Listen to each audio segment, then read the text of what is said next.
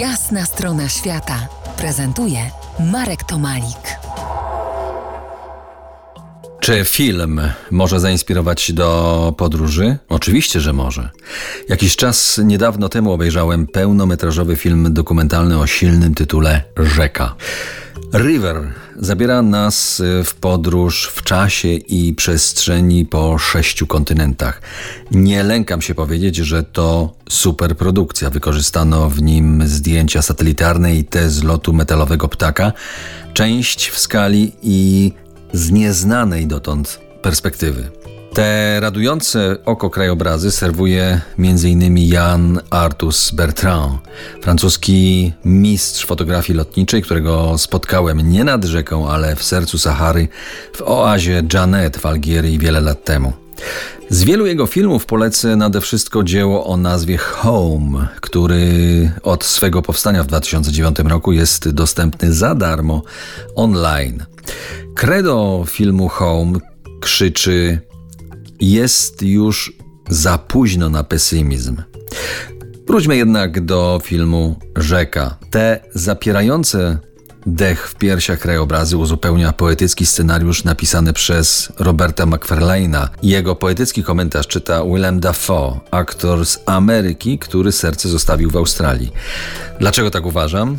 Aby odpowiedzieć Wam i sobie na to pytanie, muszę i chcę sięgnąć do jeszcze innego filmu, tym razem fabularnego, z bardzo amerykańskim tytułem The Hunter, czyli Łowca. W tymże dość enigmatycznym filmie gra Willem Dafoe, najczęściej bywający na ekranie przedstawiciel Homo sapiens. Bohaterem filmu jest australijska przyroda dzikiej Tasmanii. Willem Dafoe w filmie Hunter ma świadomość, że to nie on gra pierwsze skrzypce i właśnie świadomie, intuicyjnie schodzi przyrodzie tasmańskiej na plan drugi, który z pokorą akceptuje. Wróćmy jednak kolejny raz do dokumentalnego filmu Rzeka, którym próbuję Was zarazić, gdzie Willem Dafoe pozostaje poetyckim narratorem. To, co zauważyłem wcześniej, to nie koniec australijskich wątków w tym filmie.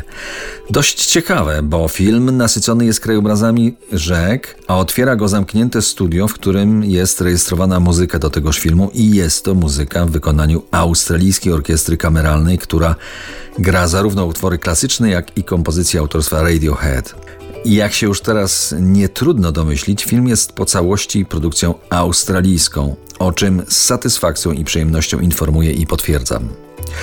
Na przestrzeni dziejów rzeki kształtowały nasze krajobrazy i nasze podróże. Rzeka od zawsze przepływała przez nasze kultury i marzenia.